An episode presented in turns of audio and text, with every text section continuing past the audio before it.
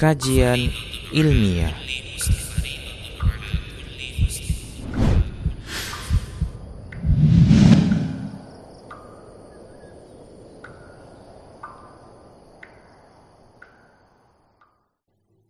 Assalamualaikum warahmatullahi wabarakatuh. Innal hamdalillah nahmaduhu wa nasta'inuhu wa nastaghfiruh.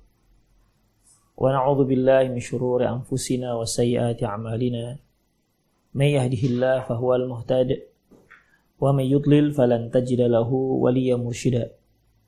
أشهد أن لا إله إلا الله وحده لا شريك له وأشهد أن محمدا عبده ورسوله الذي لا نبي بعده. وقال الله سبحانه وتعالى يا أيها الذين آمنوا اتقوا الله حق تقاته ولا تموتن إلا وأنتم مسلمون. يا أيها الذين آمنوا اتقوا الله وقولوا قولا سديدا. يصلح لكم أعمالكم ويغفر لكم ذنوبكم. ومن يطع الله ورسوله فقد فاز فوزا عظيما. يا أيها الناس اتقوا ربكم الذي خلقكم من نفس واحدة وخلق منها زوجها وبث منهما رجالا كثيرا ونساء. واتقوا الله الذي تساءلون به والأرحام. إن الله كان عليكم رقيبا. أما بعد نستقل الحديث كتاب الله. وخير الهدى هدي النبي صلى الله عليه وسلم. وشر الأمور محدثاتها. وكل محدثة بدعة. وكل بدعة ضلالة. wa kulla dhalalatin finnar. Kaum muslimin dan kaum muslimat, pemirsa Rosa TV, serta para pendengar radio mengaji di mana pun Anda berada, kita seluruhnya sudah memahami dan mengetahui bahwasanya kita, saya, Anda, mereka, dan seluruh yang ada di alam ini itu merupakan ciptaan Allah Subhanahu wa taala. Ketika Allah Subhanahu wa taala menciptakan sesuatu pastilah untuk suatu hikmah dan untuk suatu tujuan. Suka tidak suka, pasti ada hikmah dan tujuan Allah Subhanahu wa taala di balik itu semua. Kalau kita lihat firman Allah Subhanahu wa taala dalam soal Imran, Allah berfirman, "Alladzina yadhkurunallaha qiyaman wa qu'udan wa 'ala junubihim wa yatafakkaruna fi khalqis samawati wal ard." Yaitu orang-orang yang mengingat Allah Subhanahu wa taala qiyaman wa qu'udan baik dalam posisi berdiri maupun dalam posisi duduk wa ala junubihim dan juga dalam posisi tidur. Wa yatafakkaruna fi khalqis samawati wal ard. Mereka senantiasa berfikir,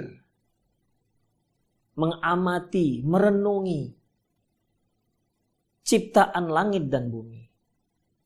Lantas mereka menyimpulkan, Rabbana ma khalaqata hadha batila. Ya Rabb kami, ya Tuhan kami, engkau tidak menciptakan semua ini batil. Artinya engkau tidak menciptakan semua ini sia-sia. Pasti ada hikmah dan tujuannya. Subhanak.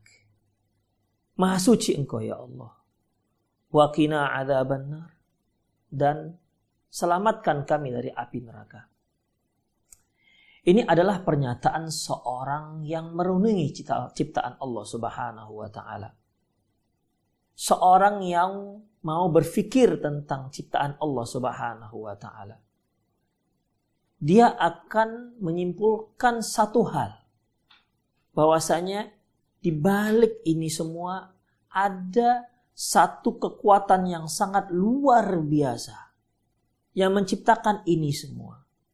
Dia adalah zat yang maha esa, yang maha tunggal. Dia adalah Allah Subhanahu wa taala. Allah menciptakan planet, Allah menciptakan matahari, Allah menciptakan bulan, bumi, makhluk manusia, jin, malaikat, hewan dan lain-lainnya itu pasti untuk suatu hikmah yang luar biasa. Yang terkadang kita bisa memahaminya dan terkadang juga kita tidak faham untuk apa. Para pendengar dan para pemirsa di mana pun Anda berada, semua ciptaan Allah Subhanahu wa Ta'ala itu mengarah pada satu titik, yaitu pada mentauhidkan Allah Subhanahu wa Ta'ala. Allah Subhanahu wa taala menyebutkan dalam surat Al-Isra ayat 44 Tusabbihu lahus samawati sab'u wal ard wa man fihinna Sungguh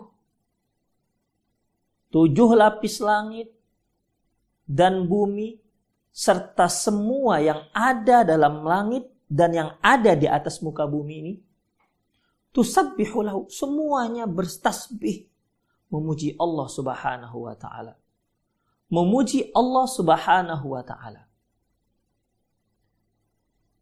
Wa im min syai'in illa yusabbihu bihamdih. Allah mengatakan tidak ada satu apa pun, tidak ada satu apa pun. Baik dia manusia, malaikat, hewan, tumbuhan, ataupun dia berupa zat padat, zat cair, yang ada di muka bumi dan yang ada dalam bumi dan yang ada di angkasa dan ada di planet dan seluruh alam. Tusabbihu lahu samawat tusabbih wa min syai'in illa yusabbihu bihamdi. Tidak ada segala satu pun kecuali dia itu bertasbih kepada Allah Subhanahu wa taala. Kemudian walakin la tafqahuna tasbihahu tapi permasalahannya kalian wahai manusia gak faham tasbih mereka. Gak faham mereka bahwasanya mereka seluruh yang ada di alam ini bertasbih memuji Allah Subhanahu wa taala. Kaum muslimin, kaum muslimat di mana pun Anda berada, inilah alam ini. Allah ciptakan untuk satu tujuan manusia dan jin juga termasuk diciptakan Allah Subhanahu wa taala untuk satu tujuan. Apa itu? Apa tujuannya? Allah menyebutkan dalam surah Ad-Dariyat ayat 56. Wa ma khalaqatul jinna wal insa illa liya'budun. Tidak aku ciptakan jin dan manusia kecuali hanya untuk beribadah kepada kalau Anda merasa sebagai seorang manusia, maka Allah menciptakan Anda bukan untuk berfoya-foya, bukan untuk bersenang-senang, tapi ingat, untuk beribadah mengesahkan Allah Subhanahu wa taala. Ingat itu. Kalau Anda tidak mentauhidkan Allah Subhanahu wa taala, Anda telah melanggar konstitusi Allah Subhanahu wa taala. Oleh karena itu, hai umat manusia di mana pun Anda berada, ingatlah, Anda diciptakan hanya untuk beribadah kepada Allah Subhanahu wa taala. Wa ma khalaqtul jinna wal ins illa liya'budun. Tidak aku ciptakan jin dan manusia kecuali hanya untuk beribadah kepada Allah Subhanahu wa taala. Liya'budun ay liwahidun. Menyembah pada Allah artinya hanya mengesahkan Allah Subhanahu wa taala. Artinya kalau ada manusia yang menyembah Allah, tapi dia juga menyembah yang lain. Dia menghambakan diri kepada Allah, tapi juga dia menghambakan kepada selain Allah. Menghambakan dirinya kepada selain Allah subhanahu wa ta'ala. Dia telah melanggar ketetapan Allah subhanahu wa ta'ala ini. Ma'asyarul muslimin, di mana pun Anda berada, perlu kita ketahui bahwasanya ketika Allah menyatakan, tidak kuciptakan jin dan manusia, kecuali hanya untuk beribadah kepadaku. Mungkin ada yang bertanya. Emangnya Allah butuh ya untuk kita sembah? Allah sangat perlu untuk kita sembah. Jawabannya hanya satu, tidak. Allah tak butuh kita sembah. Allah tak butuh dengan ketaatan kita. Allah tak butuh dengan kebaikan kita. Karena sesungguhnya kita mentauhidkan Allah. Kita taat kepada Allah. Kita laksanakan perintah Allah. Kita jauhkan larangan Allah Sesungguhnya itu semua maslahatnya, kepentingannya, keuntungannya kembali kepada diri kita masing-masing. Bukan kepada Allah subhanahu wa ta'ala. Mari kita lihat ikhwah. Dalam disebutkan dalam sebuah hadis kudusi. Hadis ini diriwayatkan oleh Imam Muslim dari Abi Dzar Al-Ghifari radhiyallahu anhu anin Nabi sallallahu alaihi wasallam dari Nabi Shallallahu Alaihi Wasallam ma yarwi an Rabbih tabaraka taala. Sebagaimana yang diriwayatkan dari Robnya dari Allah tabaraka taala. Ini hadisnya hadis kudsi disebutkan. Karena Rasulullah meriwayatkan dari Allah Subhanahu wa taala. Annahu Allah berfirman, ingat ini bukan Al-Qur'an. Ini hadis kursi.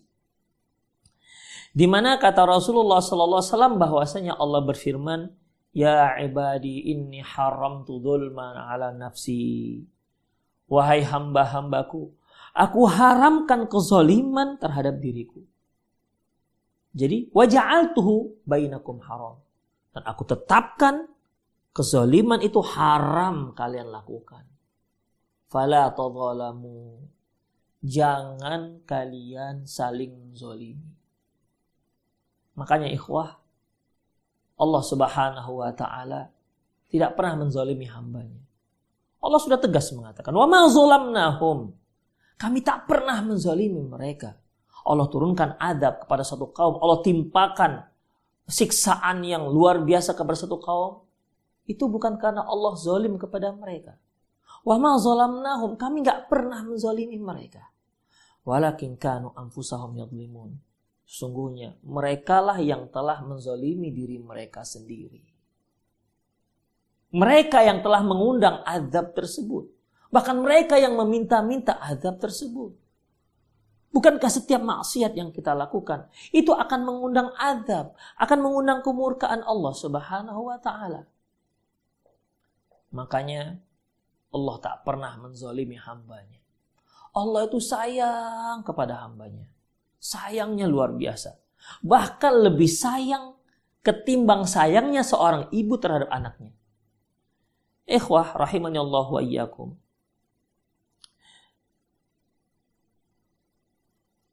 Ketika Rasulullah dan para sahabat melihat ada seorang ibu ya sangat sayang kepada anaknya. Kemudian dia gendong anaknya, disusui anaknya. Rasulullah katakan, menurut kalian apakah mungkin wanita ini melemparkan anaknya masuk ke api? Apakah mungkin si ibu yang sedang menyusui anaknya ini, apakah kira-kira tega si ibu melemparkan anaknya ke dalam api untuk dibakar? Tentu semua orang akan mengatakan tidak. Tidak ada seorang ibu yang waras yang mau mencelakakan anaknya, yang waras ya. Tidak ada seorang ibu yang akalnya sehat yang mau membakar anaknya hidup-hidup. Tak ada itu. Tidak ya Rasulullah, kata sahabat. Karena Rasulullah bertanya kepada para sahabat, menurut kalian apa ibu ini tega melemparkan anaknya ke dalam api, membakar anaknya? Para sahabat mengatakan tidak ya Rasulullah, tidak. Apa kata Rasulullah sallallahu alaihi wasallam? Lallahu arhamu bi'ibadihi min hadhihi biwaladihi. Demi Allah, Allah lebih sayang, lebih cinta kepada hambanya ketimbang cintanya si ibu terhadap anaknya itu. Itulah Allah Subhanahu wa taala. Kalau seorang ibu adalah ya yang menzolimi, tapi Allah Subhanahu wa taala tak ada pernah menzolimi. Karena Allah sudah tetapkan. Ya ibadi ini zolam, ini haram tu zulma ala nafsi.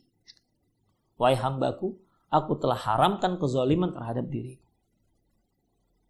Wa haram tu alai bainakum. Dan aku haramkan di antara kalian. Wa ja'altu bainakum haraman. Fala tadzalamu. Jangan kalian saling menzalimi. Kemudian apa lagi kata Allah?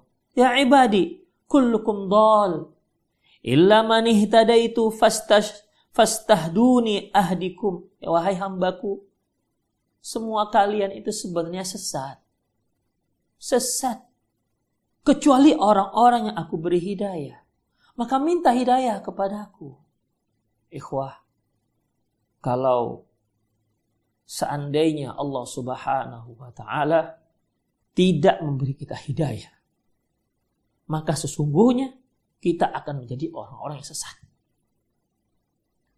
Makanya antum yang sudah kenal dakwah, yang sudah mendapatkan dakwah, sudah mengetahui tauhid, sudah berada di atas sunnah Rasulullah Sallallahu Alaihi Wasallam. Hendaklah istiqomah, pegang, pegang. Karena tidak semua orang mendapatkannya. Semua kalian itu sesat, kata Allah. Makanya minta hidayah kepadaku. Saking pentingnya hidayah ini ikhwah. Sampai Allah subhanahu wa ta'ala mewajibkan kita untuk berdoa di setiap rakaat. Di setiap rakaat. Apa itu? Disebutkan dalam salah satu ayat dalam Al-Fatihah. Yaitu, Ihdinas siratal mustaqim. Ya Allah tunjukkan kami jalan yang lurus. Fastahduni kata Allah. Minta hidayah kepadaku. Minta. Oleh karena itu. Kalau ada seorang yang sudah mendapatkan hidayah dari Allah subhanahu wa ta'ala. Kemudian dia merasa mendapatkan hidayah itu karena upaya dia, jerih payah dia. Dia mengaji sana, mengaji kemari. Dia lihat di dunia maya, dia juga mengaji di dunia nyata. Sehingga dia katakan wajarlah kalau saya diberikan Allah subhanahu wa ta'ala hidayah. Belum tentu. Ikhwah. Allah subhanahu wa ta'ala memberikan hidayah kepada siapa saja yang Allah subhanahu wa ta'ala kehendaki. Ketika Rasulullah Shallallahu Alaihi Wasallam mengajak pamannya Abu Talib, Abu Talib, yaitu yang mengasuh beliau setelah kakeknya meninggal. Rasulullah Shallallahu Alaihi Wasallam diasuh oleh pamannya Abu Talib. Abu Talib sangat cinta dengan Rasulullah Shallallahu Alaihi Wasallam. Rasulullah juga cinta dengan pamannya. Pamannya juga membela beliau. Tapi sayangnya ketika Abu Talib meninggal, dia meninggal dalam keadaan kafir. Meninggal dalam keadaan kafir. Sedih Rasulullah.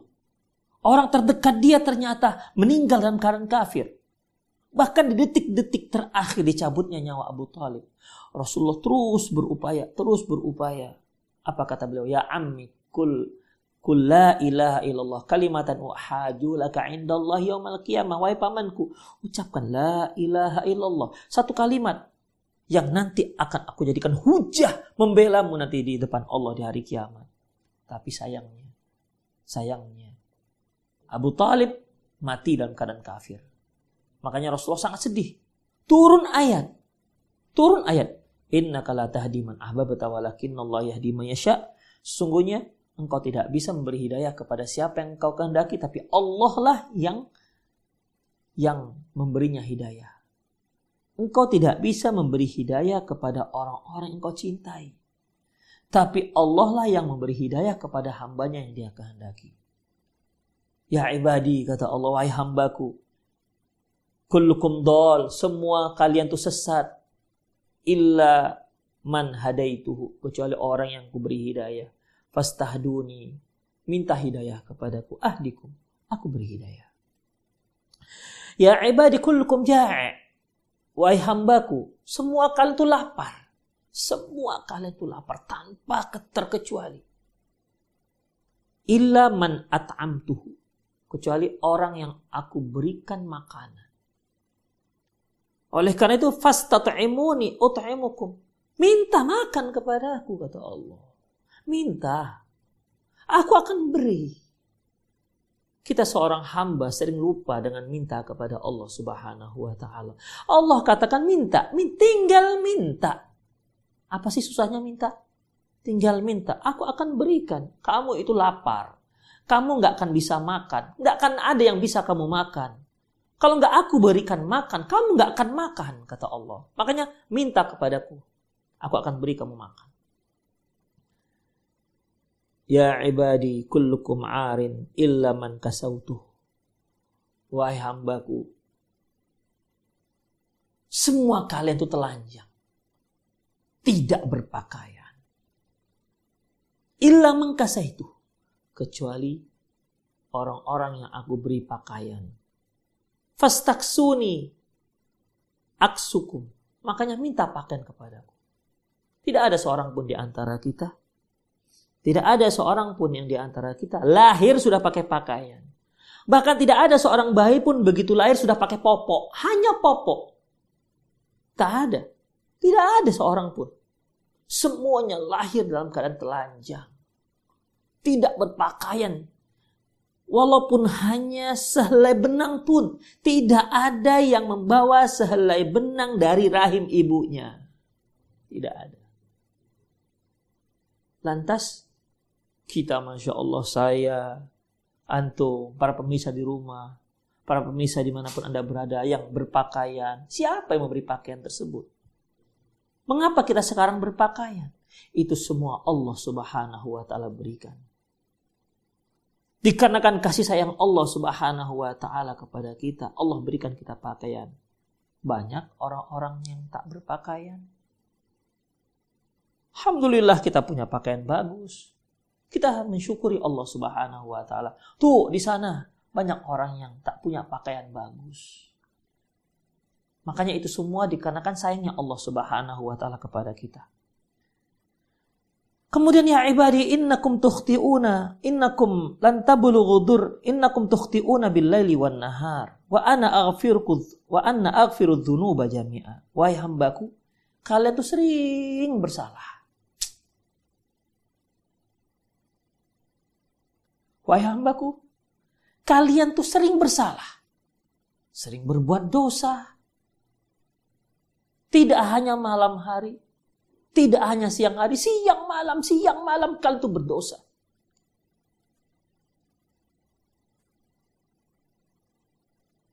Dan aku ampuni dosa kalian. Seandainya Allah subhanahu wa ta'ala marah kepada kita, ikhwah. Sungguh sudah layak kita dimarahi oleh Allah subhanahu wa ta'ala. Seandainya Allah subhanahu wa ta'ala tidak maha penyayang tidak maha pengampun, tak apalah jadinya kita ini. Karena Allah sudah ingatkan, kalian tuh selalu salah, berdosa, siang, malam, siang, terus. Tapi Allah terus memberi ampunan, terus beri ampunan, terus beri ampunan. Allah tidak pernah bosan mengampuni dosa kita. Oleh karena itu fastaghfiruni aghfirulakum. Minta ampun kepadaku, minta aku akan ampuni dosa kalian. Ya ibadi, wahai hambaku. Innakum lan tabulughu durri fatadurruni. Walan tabulughu naf'i fatanfa'uni. Wahai hambaku. Sungguhnya kalian tidak akan bisa memberi kuma mudarat dan manfaat. Tidak bisa. Ya. Tidak akan bisa. Kalau kalian ingin memudaratkan aku, nggak akan bisa sampai. Kalau kalian ingin memberiku manfaat, nggak akan bisa sampai. Karena Allah nggak butuh dengan kita, ikhwah. Allah nggak butuh dengan kita. Allah nggak perlu dengan kita. Kita mau eh, memberi manfaat kepada Allah, Allah nggak butuh. Ya, Allah nggak butuh. Kita lihat pernyataan selanjutnya. Ya ibadi law anna awwalakum wa akhirakum wa insakum wa jinnakum kanu ala atqa qalbi rajulin wahidin minkum ma zada dhalika fi mulki syai'a.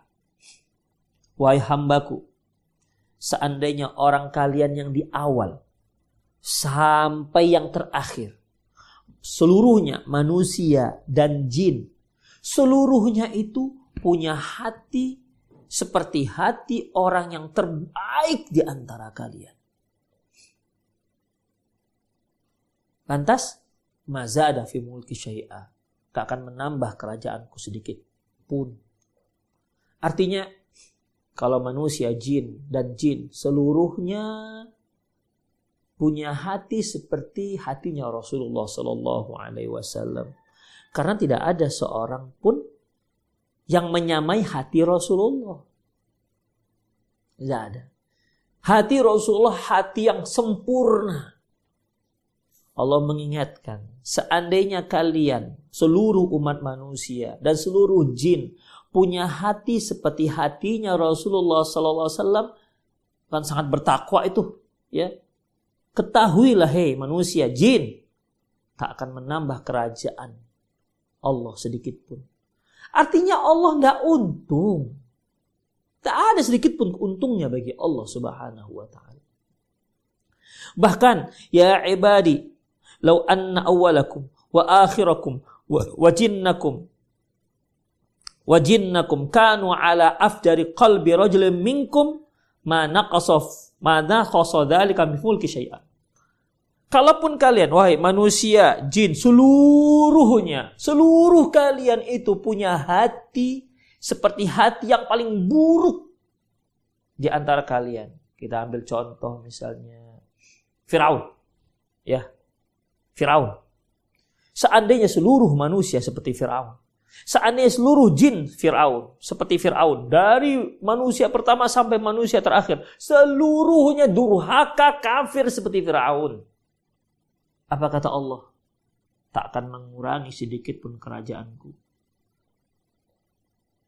Kemudian Allah mengatakan lagi, Ya ibadi law anna awwalakum wa akhirakum wa insakum wa jinnakum qamu fi sa'idin wahidin fasa'aluni fa'ataitu kulla wahidin mas'alatah ma naqasa dhalika mimma indi illa kama yanqusul mikhyatu ila idza udkhilal bahar. Wahai hambaku, seandainya orang kalian. Dari awal sampai akhir. Manusia dan jin seluruhnya serempak meminta kepadaku. Berada di satu tempat seluruhnya ini. Manusia jin seluruhnya dari awal sampai akhir meminta seluruhnya kepadaku. Kemudian aku berikan seluruh permintaan kalian tanpa terkecuali.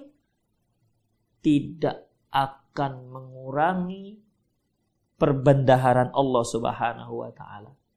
Kecuali seperti seperti berkurangnya air, air laut yang apabila dicelupkan uh, jarum, ya, yang tersisa itu itu yang ada pada Allah Subhanahu Wa Taala. Coba ikhafidin kita bandingkan. Kita ambil jarum, kita kita celupkan di lautan, kita angkat. Itu basah. Udah. Ya tentu berkuranglah kita katakan air laut. Tapi seberapalah berkurangnya? Begitulah kata Allah, kalau seluruh permintaan kalian saya berikan, kata Allah, tidak akan mengurangi sedikit pun harta kekayaanku, kata Allah. Artinya, udah kalian minta saja. Dan jangan sombong kepadaku. Ya ibadi innama hiya amal a'malukum uhsiyahum uhsiyaha lakum. Wahai hambaku, sesungguhnya itu merupakan amalan kalian. Aku hitung. Ingat, aku hitung untuk kalian. Summa uwafiyakum ilaih iyaha. Kemudian aku yang memberi kalian ganjaran. Paman wajada khairan falyahmidillah. Yang mendapatkan kebaikan, ya sendaklah dia ber, memuji Allah. Wa man wajada ghaira dhalika fala yalumanna illa nafsah. Barang siapa yang mendapatkan selain itu artinya buruk, maka jangan dia sesali kecuali dirinya sendiri. Jadi Khafiddin dari awal sampai akhir Allah semua mengatakan, minta kepadaku, minta kepadaku. Kalian itu tidak ada apa-apanya loh, kata Allah. Iya. Kalian tadinya telanjang, kalian tadinya tak makan, kalian tadinya tidak dapat hidayah, kalian selalu berbuat salah. Sudahlah telanjang, tak makan, sesat. Kemudian selalu buat salah. Aku berikan semuanya. Aku berikan hidayah, aku berikan pakaian, aku berikan makanan. Aku aku ampuni kesalahan kalian. Seharusnya yang kalian lakukan mentauhidkan aku, menghambakan diri kepada aku. Itu yang seharusnya kalian lakukan. Itu pun kalau kalian sudah mentauhidkan aku, kalian menghambakan diri kepadaku, kalian taati semua perintahku, kalian jauhkan laranganku, itu semua juga aku catat kata Allah. Kemudian ini semua kembali kepada kalian maslahatnya, manfaatnya. Yang baik aku sediakan surga, yang buruk neraka mengancamnya.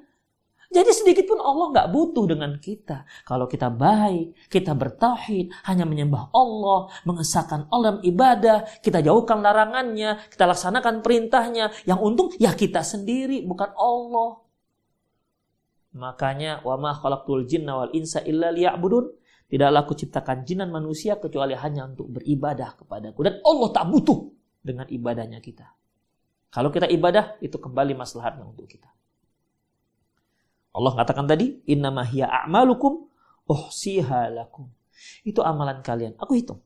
Aku hitung, kemudian itu untuk kalian juga nantinya. Ganjarannya juga untuk kalian. Ikhwatifidin rahimanallahu wa. Oleh karena itu, mereka yang mau mentauhidkan Allah Subhanahu wa taala dia harus berbuat, bersikap, berkeyakinan berdasarkan tutorial yang telah ditetapkan oleh Allah Subhanahu wa taala. Apa itu Al-Qur'an? Ikhwah Al-Qur'an itu isinya seluruhnya tauhid. Seluruhnya terkait dengan tauhid. Kalau kita perhatikan Al-Quran, ikhwah fiddin, yang isinya seluruhnya tauhid, yang puncaknya adalah kalimat la ilaha illallah. Allah Subhanahu wa taala firman dalam surah Az-Zumar ayat 1 dan 2. Tanzilul kitab minallahil azizil hakim. Kitab yang turun dari Allah Azizul Hakim, yang maha perkasa lagi maha bijaksana. Inna anzalna ilaikal kitab bil haqq. Sesungguhnya kami turunkan kitab, yaitu Al-Quran, bil haq, dengan kebenaran. Fa'budillah mukhlisallahuddin. Sembah Allah. Ikhlas, semata-mata hanya dia. Kami turunkan kitab Sembahlah Allah. Karena apa? Ikhwafiddin. Karena kitab ini membimbing kita untuk mentauhidkan Allah Subhanahu wa taala.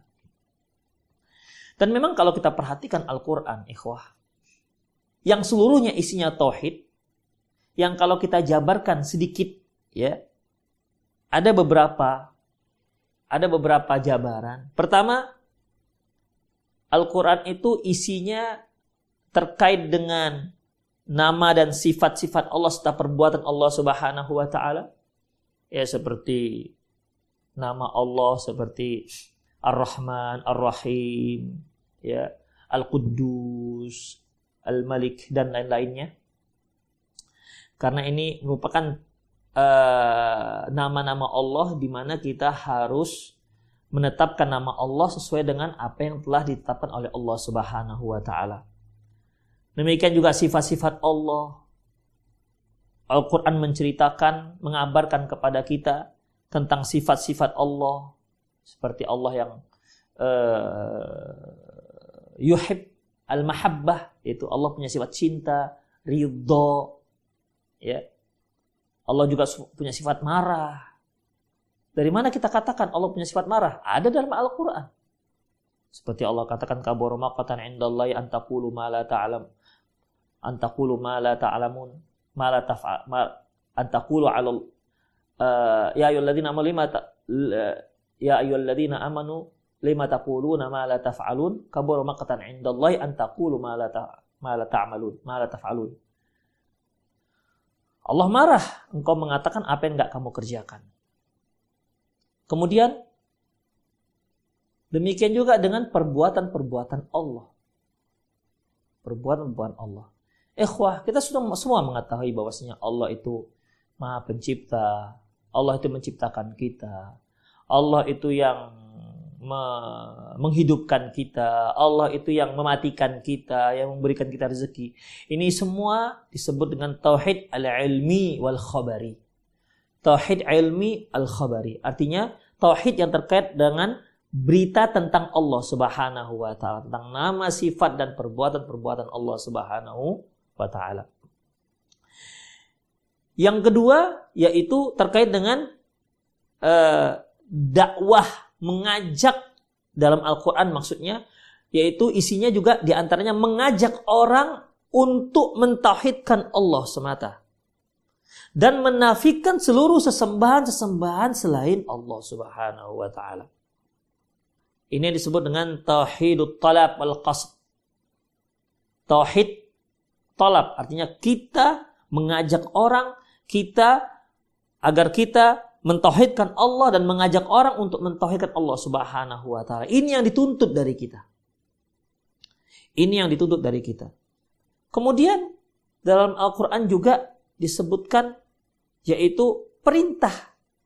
Perintah dan larangan yang itu merupakan uh, pelaksanaan dari perintah dan menjauhkan larangan Allah Subhanahu wa taala. Dan ini merupakan penyempurna tauhid. Ya, penyempurna tauhid.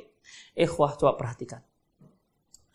Kalau kita meyakini Allah yang menciptakan kita, Allah yang sayang kepada kita, sebagaimana yang telah kita jabarkan tadi. Allah sangat cinta kepada kita, sebagaimana yang telah kita sebutkan tadi, yang telah kita singgung tadi.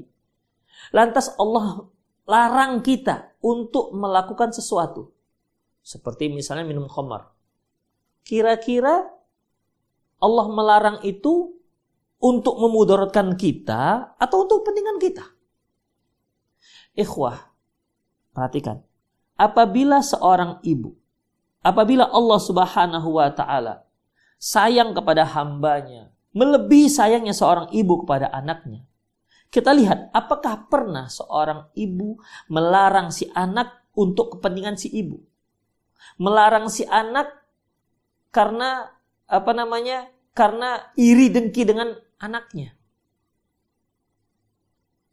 Tentu tidak. Seorang ibu melarang anaknya, memerintahkan satu perbuatan untuk dilakukan oleh anaknya. Itu semua untuk maslahat anaknya.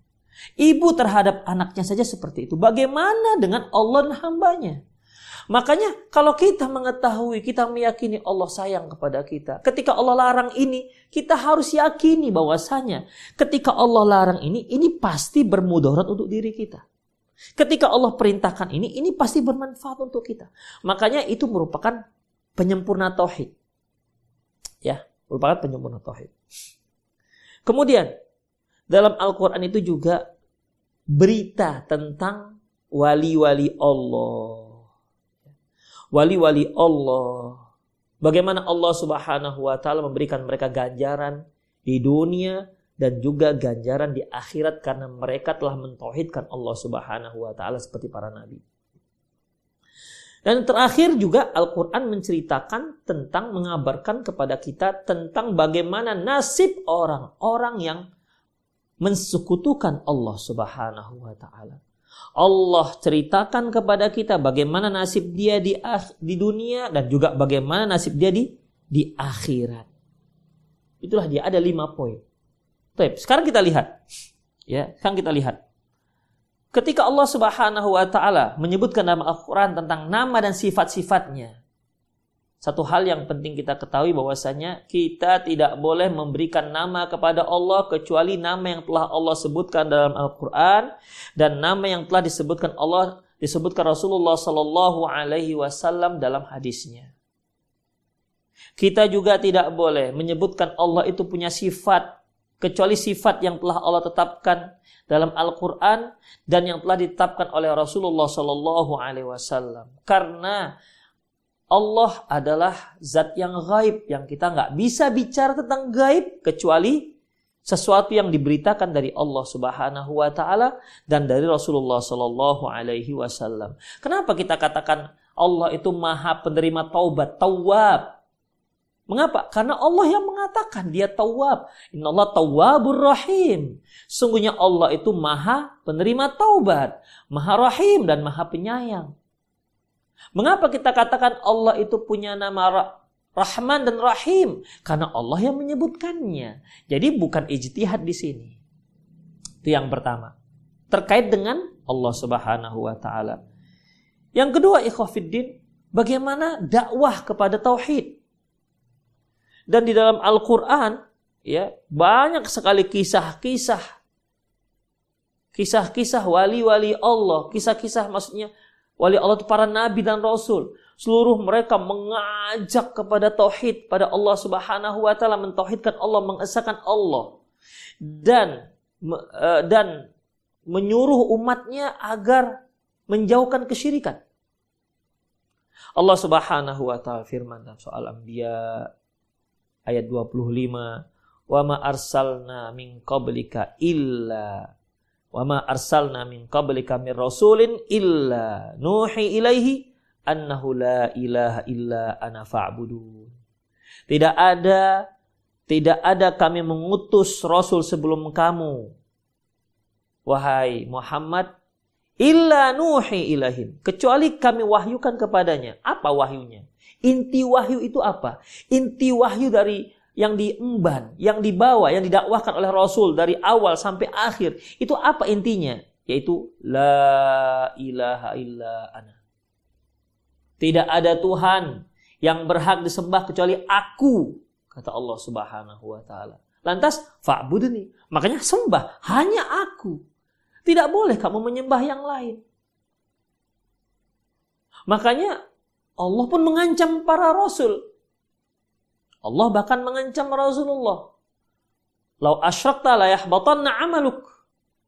Lain asyrakta la yahbatanna amaluk. Muhammad kalau kamu berbuat syirik kami hapuskan seluruh amalan kamu, kebaikan kamu. Sedangkan seorang level nabi mendapat ancaman seperti itu, apalagi kita ikhwatiddin. Apalagi kita. Oleh karena itu, seluruh para rasul, seluruh para nabi, inti daripada dakwah mereka itu la ilaha illallah. Tidak ada ilah yang berhak disembah kecuali hanya Allah Subhanahu wa taala. Makanya kita lihat ya, kita lihat seperti Nabi Nuh alaihissalam disebutkan Allah dalam soal Al-A'raf.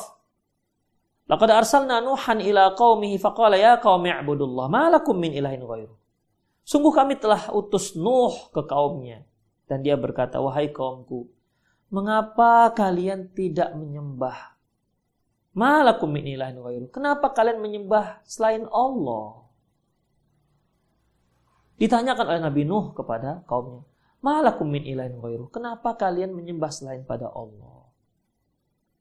Demikian juga Allah menyebutkan tentang tentang tentang Nabi Soleh Wa ila Thamud akhahum salihah.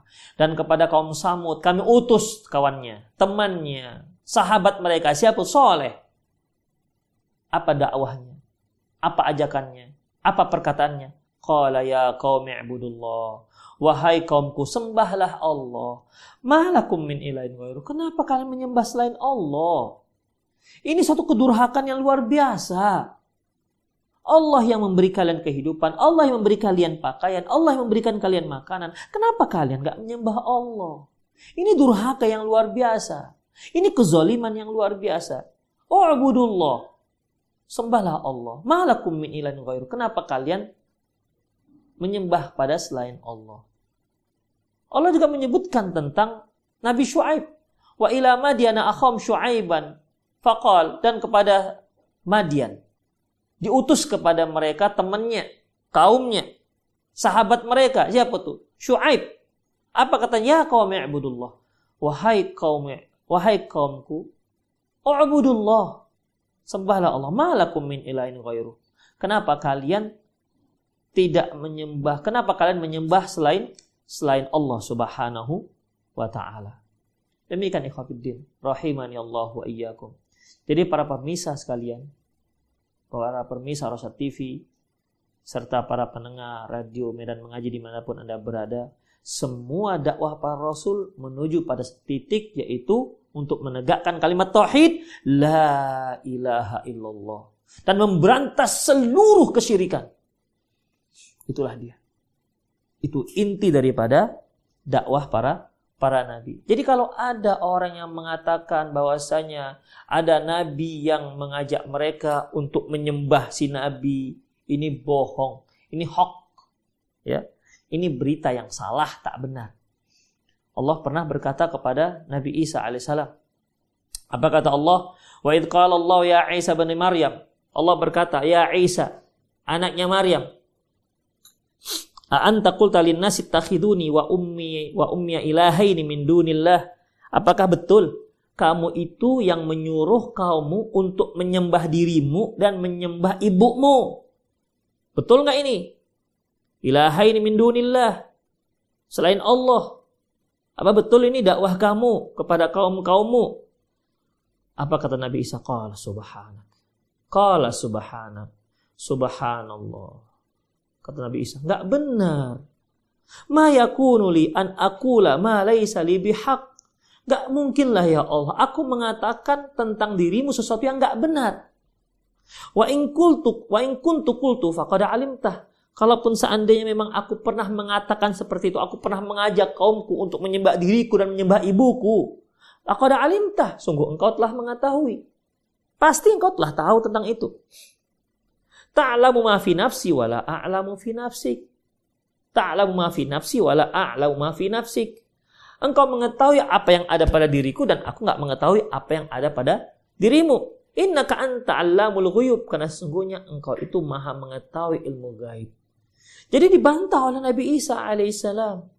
Jadi mereka-mereka yang mengatakan pengikut Nabi Isa alaihissalam kemudian mereka menyembah Nabi Isa alaihissalam, ini merupakan kedurhakaan yang luar biasa. Ini kezaliman yang luar biasa. Penisbatan sesuatu yang tidak pernah dikatakan oleh Nabi Isa alaihissalam. Nabi Isa itu dakwahnya tauhid hanya menyembah Allah Subhanahu wa taala. Ikhwat fiddin rahimani Allah wa iyyakum. Oleh karena itu, ya, Quran isinya mengajak di antaranya adalah kisah-kisah ataupun menceritakan tentang para nabi dan rasul yang mengajak orang-orang untuk untuk mentauhidkan Allah Subhanahu wa taala. Yang ketiga yaitu dalam Al-Qur'an juga menyebutkan disebutkan tentang adanya larangan dan adanya larangan dan adanya perintah. Ikhwah, kalau kita memang seorang yang beriman kepada Allah mentauhidkan kepada mentauhidkan Allah, pastilah kita akan taat kepada Allah Subhanahu wa taala. Karena makna daripada kalimat la ilaha illallah di antaranya yaitu imtithalu fi amar. Melaksanakan apa yang diperintahkan oleh Allah Subhanahu wa taala. Kemudian wajtinabu fi manaha anhu wazajar dan menjauhkan apa yang di, dilarang dan yang dicela oleh Allah Subhanahu wa taala. Dan apa yang dicela oleh Allah, apa yang dilarang oleh Allah, itu semua untuk kepentingan kita. Apa yang disuruh oleh Allah, diperintahkan oleh Allah, itu semua juga untuk kepentingan kita, untuk maslahat kita, untuk kelanggengan kita, untuk kebahagiaan kita. Itu dia, hanya itu, bukan untuk kepentingan Allah Subhanahu wa taala. Allah haramkan khamar, jangan kalian minum khamar. Yas'alunaka 'anil khamri wal maisir. Mereka bertanya kepada kamu tentang khamar dan judi. Kul fihi ma ithmun kabir wa manafi'u linnas. Katakanlah bahwasanya pada khamar dan judi itu ada dosa besar dan ada manfaatnya. Wa ithmuhuma akbaru min naf'ihima. Tapi dosanya lebih besar ketimbang manfaatnya. Makanya dilarang oleh Allah Subhanahu wa taala. Yang keempat, ikhwafiddin, juga Allah menceritakan dalam Al-Qur'an yaitu berita tentang bagaimana Allah memberikan ganjaran kepada orang-orang yang mentauhidkan Allah Subhanahu wa taala. Baik ganjaran di dunia maupun ganjaran di di hari akhirat. Kemudian yang kelima yaitu Allah Subhanahu wa taala menceritakan tentang bagaimana Allah menghancurkan, Allah menyiksa, Allah turunkan azab kepada orang-orang musyrik, orang-orang yang mensekutukan Allah Subhanahu wa taala. Dan bagaimana Allah siapkan untuk mereka balasan di hari akhirat. Sungguh satu ayat saja cukup membuat orang-orang yang mensekutukan Allah itu menderita. Apa itu? Innallaha la yaghfiru ayyushraka bih wa yaghfiru ma duna dzalika liman yasha. Sungguhnya Allah tidak akan mengampuni dosa orang yang mensekutukan dia wa yaghfiru ma duna dzalika liman yasha tapi masih mengampuni dosa-dosa selain daripada dosa syirik liman yasha bagi siapa saja yang Allah Subhanahu wa taala kehendaki. Ikhwafidin rahimani Allah wa iyyakum.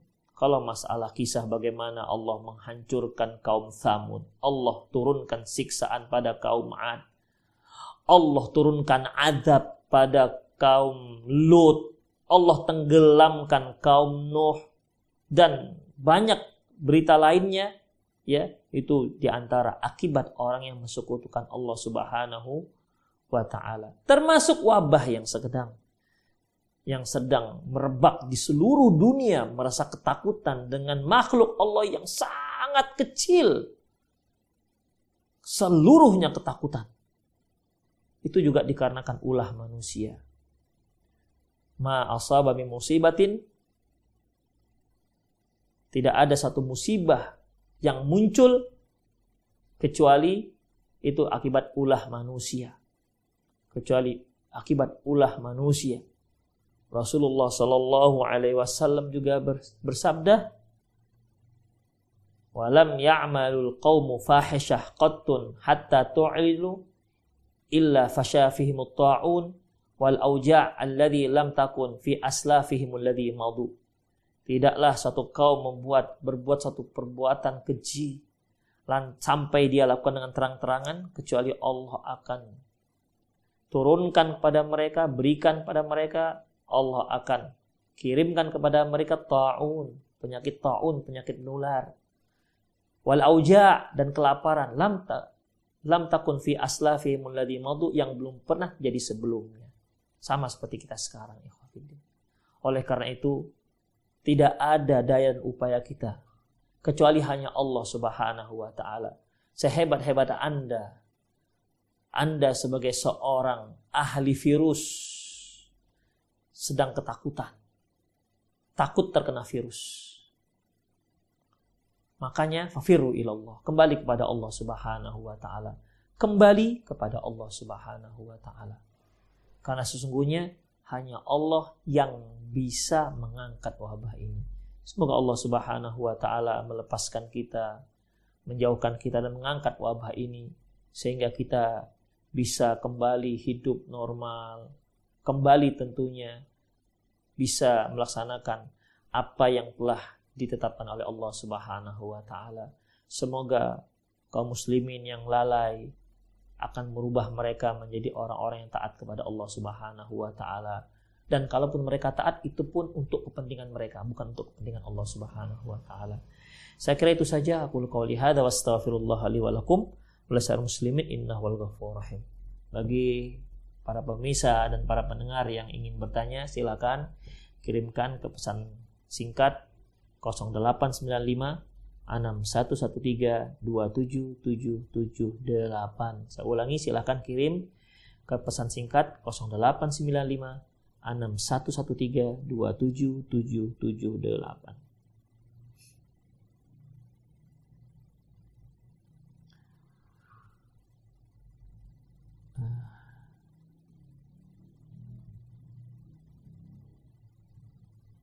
Uh, Bismillah, Assalamualaikum warahmatullahi wabarakatuh. Afan Ustadz, saya ingin bertanya, saat ini saya berpenghasilan dari kuliner online setelah hijrah dari pekerjaan riba. Namun akhir ini, qadarullah Allah memberi kepada saya yang hanya cukup buat satu hari untuk kebutuhan anak dan istri saya.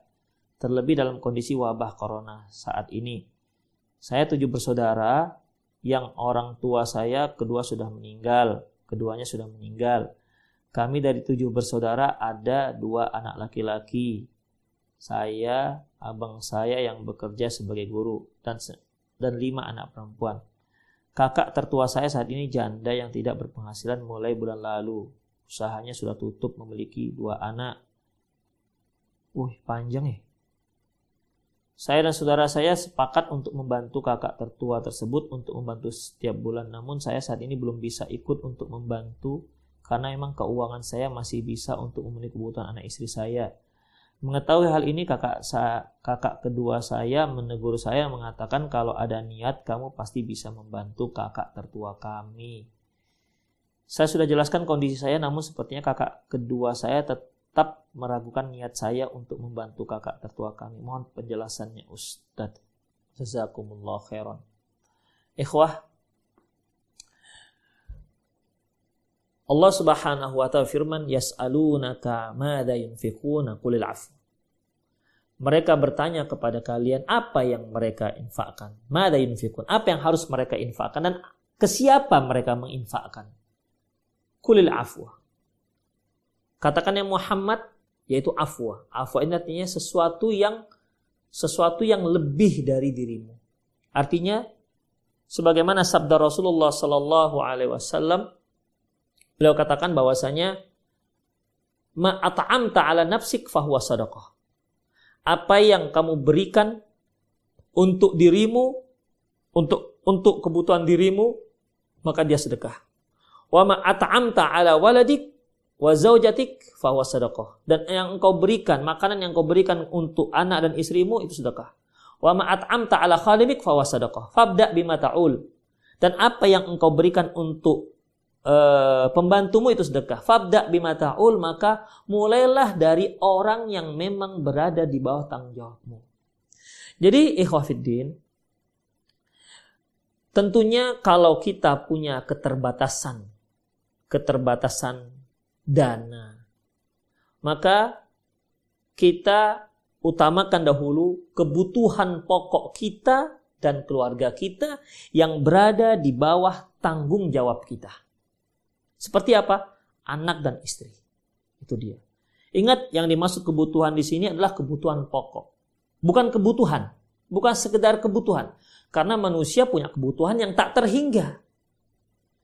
Yang apabila diperturutkan maka seberapa pun tidak akan pernah mencukupi dirinya. Bukankah Rasulullah Shallallahu Alaihi Wasallam pernah mengatakan, "Laukan alibni Adam wadiyani minad dhahab la ahabba ayyakuna wadiyan salisan." Seandainya anak Adam punya dua lembah, punya dua lembah, yang isi lembah tersebut dipenuhi dengan dengan emas, la ahabba ayyakuna wadiyan thalithan. Sungguh dia ingin punya lembah emas yang ketiga. Falayyam la ufahu illa turab. Tidak ada yang bisa memenuhi mulutnya illa turab kecuali tanah. Dah mati dia baru dia selesai. Kalau enggak kebutuhannya tanpa batas, unlimited bahasa orang sekarang. Makanya kita masuk dengan dengan kebutuhan di sini adalah kebutuhan pokok. Kalau sudah terpenuhilah sandang, pangan dan papan, ya tentunya dengan kebutuhan yang sangat sederhana lah. Yang penting makan, yang penting punya pakaian, yang penting punya punya tempat tinggal. Bersisa kasihkan kepada kakak Anda. Ya. Berikan kepada kakak Anda. Ikhwafiddin, ketika uh, Abu Talhah radhiyallahu anhu mendengar firman Allah Subhanahu wa taala lan tanalul birra hatta tunfiqu mimma tuhibbun. Kalian tidak akan mendapatkan keba kebaikan sampai kalian memberikan uh, menginfakkan apa yang kalian suka. Apa yang kalian suka. Lantas Abu Talha radhiyallahu anhu datang kepada Rasulullah SAW dan dia menginfakkan apa yang paling dia suka, yaitu berupa sumur yang ada di Madinah dekat Masjid Nabawi. Lantas apa kata Rasulullah Sallallahu Alaihi Wasallam? Sebaiknya engkau berikan untuk kerabatmu. Sebaiknya engkau berikan untuk kerabatmu. Di antara kerabat Abu Talhah yaitu Ubay bin Ka'ab. Di antaranya karena dia termasuk orang miskin. Dan dalam hadis yang lain Rasulullah Sallallahu Alaihi Wasallam Rasulullah Sallallahu Alaihi Wasallam juga bersabda, mereka yang menginfakkan hartanya untuk kerabatnya, maka dia dapat dua pahala. Pertama, pahala nafkah, pahala sedekah. Dan kedua, pahala mentautkan, menguatkan tali silaturahmi. Demikian. Kemudian Rasulullah Shallallahu Alaihi Wasallam juga menyatakan siapa yang paling prioritas diberikan. Beliau sebutkan dirinya, keluarganya. Kemudian setelah itu apa kata beliau? summa absaru. Summa absaru. Kemudian setelah itu absar, artinya kerabatmu, kamu harus perhatikan siapa di antara kerabatmu yang paling membutuhkan. Ya apabila memang kakak Anda yang tertua memang membutuhkan, berikan. Jika memang kelebihan. Jangan sampai Anda memberikan kepada kakak Anda sementara yang benar-benar berada di bawah tanggung jawab Anda yaitu anak dan istri kelaparan. Jangan sampai. Ya. Jangan sampai. Makanya fabda bima ta'ul, mulailah Berilah nafkah kepada orang-orang yang memang di bawah tanggung jawabmu. Allahu alam bisawab. Adapun mengenai komunikasi dengan keluarga yang lain, cobalah difahamkan kepada mereka ya agar mereka tidak berburuk sangka kepada antum. Allahu alam bisawab.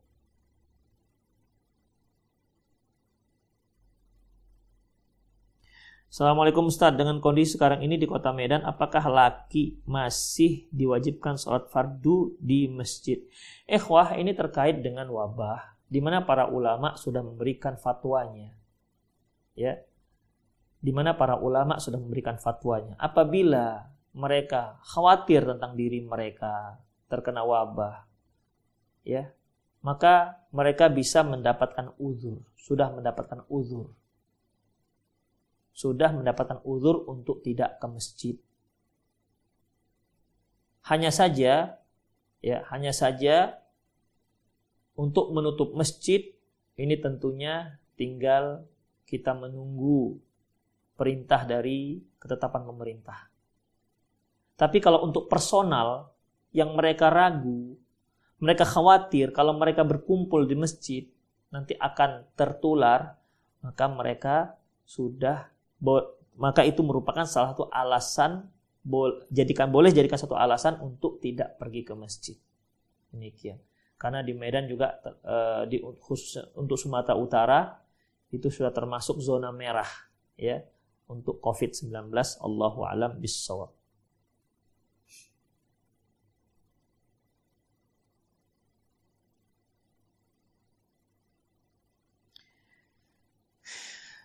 Taib sudah jam 12 lewat 15. Saya semoga Allah Subhanahu wa taala menguatkan akidah kita, menguatkan tauhid kita sehingga Allah Subhanahu wa taala mengumpulkan kita kelak nanti di hari akhirat di surganya insyaallah. Demikian aku qauli hadza wa astaghfirullah li wa lakum wa lisal muslimin inna wal ghafur rahim. Subhanakallahumma bihamdik asyhadu an la ilaha illa anta astaghfiruka wa atubu ilaik. Wa sallallahu ala nabiyyina Muhammad wa ala alihi wa ashabi jema'in. Wa alhamdulillahi rabbil alamin. Assalamualaikum warahmatullahi wabarakatuh.